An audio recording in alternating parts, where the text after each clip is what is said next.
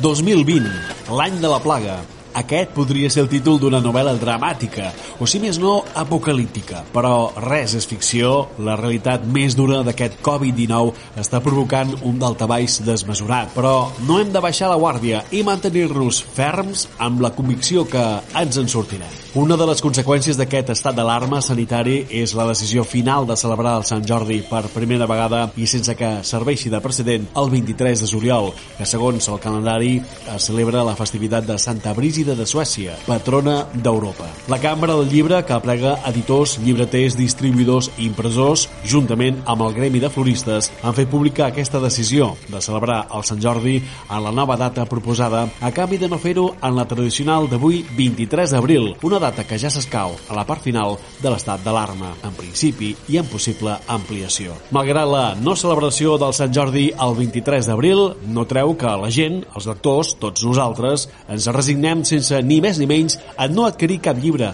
Per aquest motiu, llibreries i editors han posat en marxa diversos sistemes per poder comprar-los. Els llibres es poden comprar via pàgina web des de les editorials i rebre amb servei a domicili. Fer la compra en format llibre electrònic o també a través de supermercats, papereries i quioscos amb llibres comerç de proximitat i permès la seva obertura en estat de confinament, declarats com a servei essencial. També un bon grapat de llibreries d'arreu de Catalunya ofereixen la possibilitat de fer la reserva mitjançant el pagament avançat de llibres que, posteriorment, quan es permeti la lliure circulació, es podrà anar a recollir els llibres reservats. En fi, tot sigui per mantenir el consum literari i econòmic del sector, molt malmès per aquest estat d'alarma sanitari i que, evidentment, la cultura, en general, està patint de les seves greus conseqüències. En aquest Llibres Express, a través d'aquesta sintonia, i en especial en aquest 23 d'abril, en la qual no celebrem el Sant Jordi de manera normal, sinó d'una manera virtual,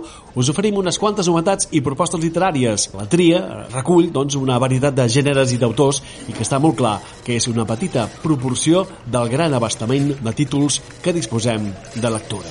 Rebeu la cordial salutació de que us parla, Josep Maria Soler, que us ofereix 5 propostes de lectura per aquest no 23 d'abril, no Sant Jordi, però que celebrarem de manera, esperem, ja al carrer el 23 de juliol. Canyes per un presumpte delicte... Actualitat. Un dels nostres, Identitats en conflicte a Catalunya, d'Antoni Cruanyes, publicat per Pòrtic Edicions. Toni Cruanyes explica els secrets darrere del Telenotícies durant el conflicte polític dels últims anys, des del referèndum de l'1 d'octubre fins al judici al Tribunal Suprem, i la tensió viscuda per les amenaces continuades contra TV3. A mig camí entre les memòries i l'assaig històric, Cruanyes planteja què queda de la identitat catalana més enllà de la política. Història, la noia de la resistència, d'en Julio Ricardo Trigo, publicat per Columna. Una novel·la plena de tendresa que enllaça dues èpoques i ens mostra com d'important són les arrels personals. Uns personatges que encarnen la força dels ideals i retraten persones anònimes que vencien la por per lluitar contra el monstre del feixisme. Ambientada al París ocupat dels nazis als anys 40 i a la Catalunya dels anys 90. Narrativa, Pluja d'estels, de Laia Aguilar, Premi Josep Pla 2020, publicat per Destino. Un grup d'amics es reuneixen cinc anys després d'un tràgic accident en una casa al Cap de Creus. Durant la trobada es diverteixen i comparteixen confidències, però també afloren gelosies, una antiga història d'amor i el sentiment constant que els produeix un fet del passat encara sense resoldre. Cap d'ells s'imagina com acabarà la nit, una nit que els té reservada una darrera sorpresa. Juvenil, El noi de paper, de Jordi Folk, Premi Ramon Montaner 2018, publicat per Fanbooks.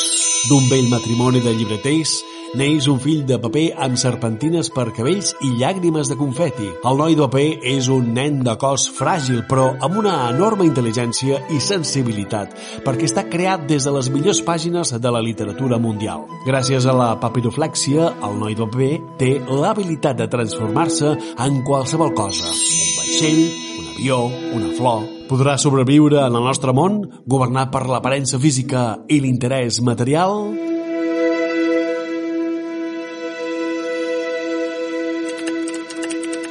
Assaig, el llarg viatge de les dones, Feminisme a Catalunya, de Maria Àngels Cabré, publicat per Edicions 62. El feminisme a Catalunya no va néixer ahir. Des de mitjans del segle XIX, aquest moviment ha tingut grans figures com Dolors Montserrà, Teresa Claramunt, Frederica Montseny, Aurora Bertrana, Anna Murià, Maria Aurelia Camany i Maria Mercè Marçal, entre altres. El llibre recull 50 textos fonamentals, tant individuals com col·lectius, de més d'una trentena de dones, algunes molt poc conegudes que, des de finals del segle XIX i al llarg de tot el segle XX, van apuntalar amb un posicionament contundent el feminisme a Catalunya.